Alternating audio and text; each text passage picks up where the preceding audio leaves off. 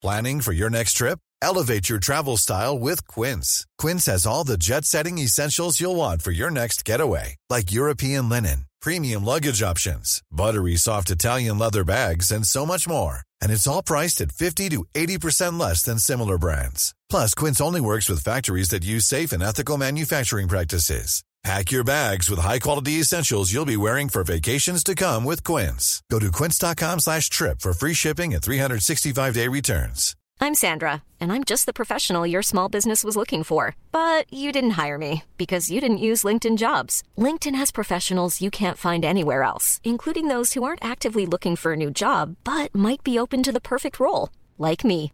In a given month, over 70% of LinkedIn users don't visit other leading job sites. So if you're not looking on LinkedIn, you'll miss out on great candidates like Sandra. Start hiring professionals like a professional. Post your free job on linkedin.com/people today.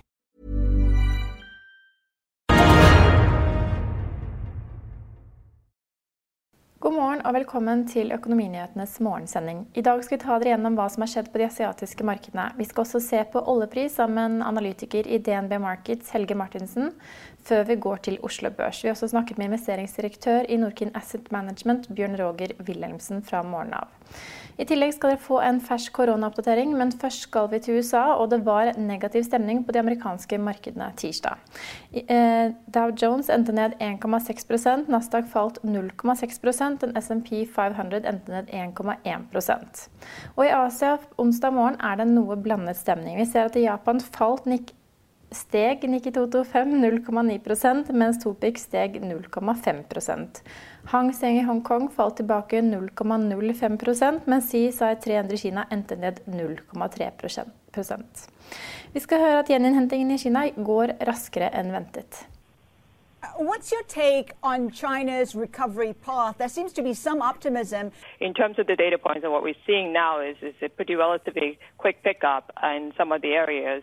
And uh, we are seeing a sizable pickup in durable goods uh, sales as well, especially in the ochos and some of the luxury items as well. Um, so China is recovering pretty rapidly and uh, is giving obviously a hope in terms of what it could be looking like for the rest. But having said that, you know, when we carry out our household survey, uh, which we've been doing for over a month now, um, there are some considerable concerns about that, you know, second wave, a wave of infection. So the households are pretty um, conservative in the way that they return back to some of these services activities that may expose them to the virus. So limited um, rebound and the slow rebound as far as the pace is concerned um, in, in, in the services area, but in the goods area we're seeing a pretty sizable rebound there. Vi skal over til oljeprisen, og Brentollen beveger seg sakte oppover. Vi ser at eh, Brentollen ligger nå vaker rett under 35 dollar fatet. Og hva venter markedet nå? Vi har snakket med analytiker i DNV Markets, Helge Martinsen. God morgen, Helge André Martinsen, oljeanalytiker i DNB Markets. Vi ser at uh, oljeprisen styrker seg noe, ligger i hvert fall vaker rundt 35 dollar fra morgenen av i dag. Uh, hva kan du fortelle oss om det som skjer i markedet akkurat nå? Nei, som du er inne på, så, så ligger oljeprisen rundt 35, og der har den for så vidt ligget uh, hele uka. og det er såpass mye volatilitet over de siste månedene, så jeg skal ikke prøve å forklare når den flytter seg 10-20 cents. Eh, men det vi på en måte har sett over tid her nå, det er jo selvfølgelig at markedet har strammet seg kraftig til. og Én ting er på en måte at vi har sett eh, frontmånedkontrakten har beveget seg, men, men, vi ser også det fysiske markedet. Differensialer styrker seg, og vi ser også eh, hva skal vi si, altså fasongen på forward-kurven eh, endrer seg kraftig. ikke sant? Vi var eh, i en, i en superkontango, som vi kan si, i fronten av kurven. Dvs. Si at eh, Eh, prisen fram i tid var mye høyere enn prisen vi hadde i det korte bildet, så du fikk eh, veldig godt betalt for å lagre olje. Og det er nå blitt mer eller mindre borte. Eh, og vi slapp en oljerapport i begynnelsen av mai som vi kalte 'fra intensivavdeling til, til recovery'. Og der påpekte vi at den første fase, første fase gjeninnhenting, det er oljepris, kommer til å være at spotprisen stikker opp og, og lokker igjen den kontangoen, da, som er det vi har sett. Og Det er jo rett og slett fordi det fysiske markedet styrker seg. OPEC-kuttene eh, har trådt i kraft. Vi har fått høy OPEC-compliance, eh, ser det ut til. Eh, Saudi har sagt de skal kutte ytterligere, sammen med Emiratene og Kuwait. Selvfølgelig så ser vi oljeetterspørselen er i, i, kraftig bedring fra bunnen av det april. Så alle faktorene per nå ser ut til å, å dra i riktig retning, egentlig. Mange var jo nervøse når denne junikontrakten på VTI skulle rulle av mandag. Det så markedet ut å takle veldig godt denne gangen? Ja, man hadde jo, det er flere faktorer som, som, som forklarer det. Men det er jo noen som hadde lært en dyr lekse da, i forrige runde her. Og vi så en del av disse ETF-ene med, med, store volumer lå helt på, på, på denne frontkontrakten helt til den skulle rulles. Eh, og da ble det litt sånn panikkstemning. Eh, og open interest var mye høyere på den kontrakten enn det det normalt er rett før rulling. Eh, og, og WTI så er det fysisk levering på, på oljen. sånn at da sitter du med den kontrakten ved utløp, så, på en måte, så skal, du, skal, du, da ta levering. og så frykter man samtidig da, at disse Cushing-lagrene, hvor, det, hvor denne oljen blir levert, kommer til å bli fulle i løpet av mai. men, men det, så, så de to effektene kan vi da sette en strek over. Altså Man lærte man ser at disse ETF-ene har flyttet seg bort fra førstemånedkontrakten, egentlig flyttet seg lenger ut på kurven for å slippe disse her, eh, enorme bevegelsene i førstemånedkontrakten, men også fordi at de ønsker å minimere denne kostnaden ved å rulle. Da. For disse ETF-ene ligger og ruller i fronten av kurven, egentlig, har gjort hele tiden. Og når det har vært en kontango, så må du betale hele tiden mer for eh, oljen du kjøper som ligger litt lenger, lenger fram på kurven. Eh, og så ser vi også da at Cushing-lagerne faktisk har begynt å trekke. Eh, og Det tror jeg er en blanding av at uh, nedstengningen i USA produksjonsnedstengningen er mye kraftigere enn det man på en måte har estimert. Uh, samt at man har fått fart på, på, på arbitrasjen fra Cushing og ned til Gulfen. Så man flytter mer olje fra Cushing og ned til Gul, Gulfområdet. Hvis du ser litt fremover loop, med loopen din nå, tror du For det er jo mange som forventer at kanskje oljeprisen er oppe i 50 dollar i fjerde kvartal. Er vi nærmere det nå enn det vi var for en måned siden? Du kan si at uh, vi har fått bekreftet en del ting vi på en måte hadde mistanke om. Uh, I denne rapporten som, som vi skrev, så, så, påpekte dette her at uh, hva vi trodde kom til å være viktig for gjeninnhenting, er det at folk kjører mer bil f.eks., kontra det å ta kollektivtransport. For det er jo mange som har vært veldig si, pessimistiske på oljemarkedets og oljeetterspørselens evne til å hente seg inn, gitt disse lockdownene og, og med begredelige økonomiske utsikter. Eh, men det vi da ser, er at eh, folk kjører altså, Jeg skal ikke si at kjøremønsteret er normalisert, men, men, du, er ganske, eh, du begynner å bevege deg raskt i riktig retning. og Det er fordi at folk unngår kollektivtrafikk og kjører heller da privatbiler. og Det er på en måte viktig i, i oljeetterspørsel-recoveryen. Så det har vi på en måte fått bekreftet. Så har vi fått bekreftet at disse OPEC pluss-kuttene kommer til å foregå sånn som det ser ut med, med høy compliance og høy overholdelse av kutt. Og eh, at man har fått lagt på ekstra Saudi-kutt. Sånn at, eh, at, markedet er på en måte kommer til å fortsette å stramme seg til utover høsten, det tror vi. Eh, og Vi har jo da et pristarget på 43 dollar i Q4, og vi ser jo på en måte andre halvår i undersupply, altså at uh, produksjonen er lavere enn etterspørselen, da, gitt disse OPEC-kuttene uh, i andre halvår. Så sånn sett så forventer vi et tilstrammende marked. Men vi tror ikke det blir noe full fest, selv om vi har på en måte undersupply. og Det er jo fordi at vi kommer inn eh, med rekordhøye lager. Eh, og så har vi da disse massive OPEC pluss-kuttene, sånn at vi har mye ledig produksjonskapasitet i verden. Så selv om måte, vi går i undersupply på balansen, så er det ikke, så er det ikke manko på oljeproduksjonskapasitet, for å si det sånn, i, i inneværende år. Vi skal til Oslo Børs, som er ned i morgentimene onsdag. Oljeprisen holder seg stabilt på rundt 35 dollar per fat brentolje. Kriserammede Norwegian derimot stuper. Vi ser at selskapet kvalifiserer seg til å få kriselån fra staten, men sjefen i selskapet advarer om svært tøffe tider i møte. I tillegg tar vi med oss at Frontline solgte inn 1,65 milliarder kroner før skatt i første kvartal. Det er det beste kvartalet de har hatt på tolv år siden 2008. Lakseprisen stiger 8% Det viser ferske eksporttall fra SSB.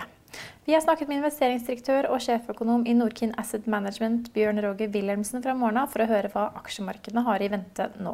God morgen, Bjørn Roger Wilhelmsen, investeringsdirektør og sjeføkonom i Norkin Asset Management. Eh, vi ser at aksjemarkedet, i hvert fall Oslo Børs, er opp nesten 4-5 denne måneden.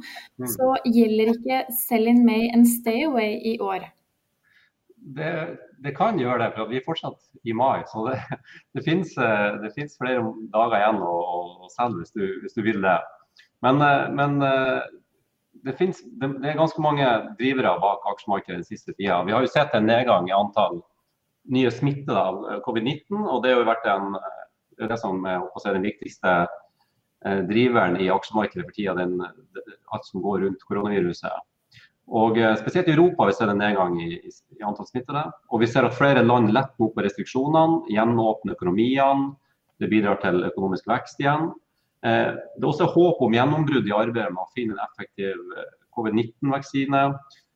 Og vi ser at den økonomiske politikken er svært ekspansiv, og det jobbes stadig med nyere metoder for å stimulere den økonomiske aktiviteten. Og sist, men ikke og Spesielt på det punktet så har jo Tyskland og Frankrike nå nylig foreslått en felles europeisk budsjettpolitikk for EU. Så det, så det er mange positive nyheter i det siste. Hvis jeg skal se framover nå, så er det jo fortsatt mange risikofaktorer her. og det kan fortsatt ta for det første så kan det fortsatt ta lang tid før man eventuelt finner en effektiv vaksine og står klar til å tilby den til folk rundt om i verden. Og det finnes også en risk for at det kommer nye utbrudd eh, i sommer og i høst. Nå, nå, som restriksjonene lettes i mange plasser. Og Det er en risk for at mange av restriksjonene må vedvare i lang tid. Og det kan bli vanskelig å bli enige om en felles budsjettpolitikk i, for EU. Det er jo det, jobber, det, er for, det er, et forslag som ligger der nå, men det er faktisk stor motstand i enkelte land. Så det kan, det kan bli mye usikkerhet på den fronten når det skal forhandles om det fremover.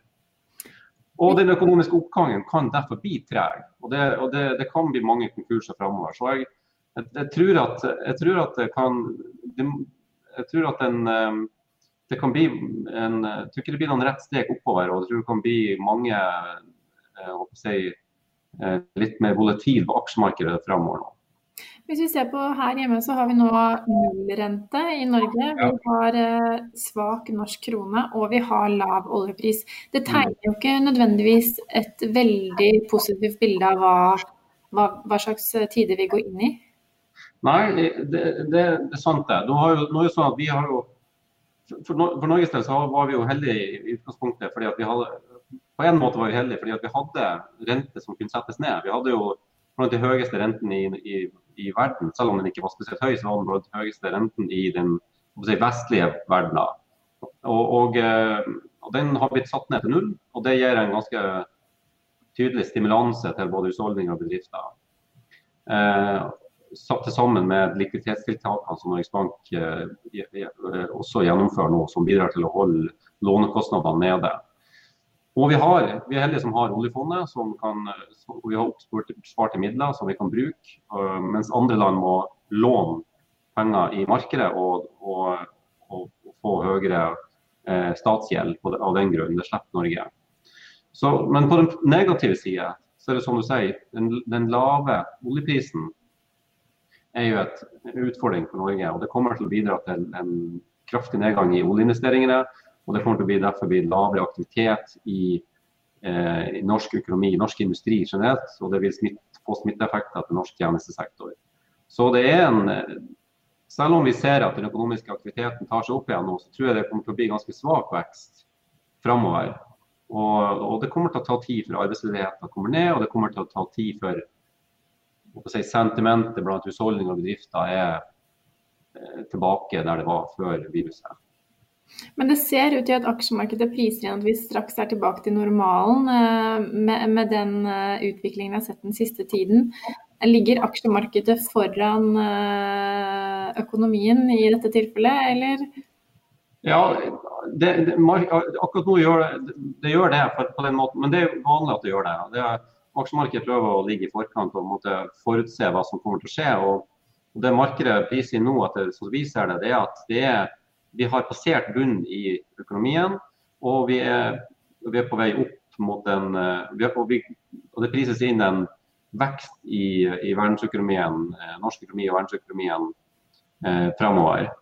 Og så, og, og så, er det et spørsmål om det har gått for langt eller ikke. Det, det, det, det er ikke helt noe tydelig svar på det, men jeg vil si at eh, min, mitt inntrykk er at det prises inn en ganske optimistisk bane fremover.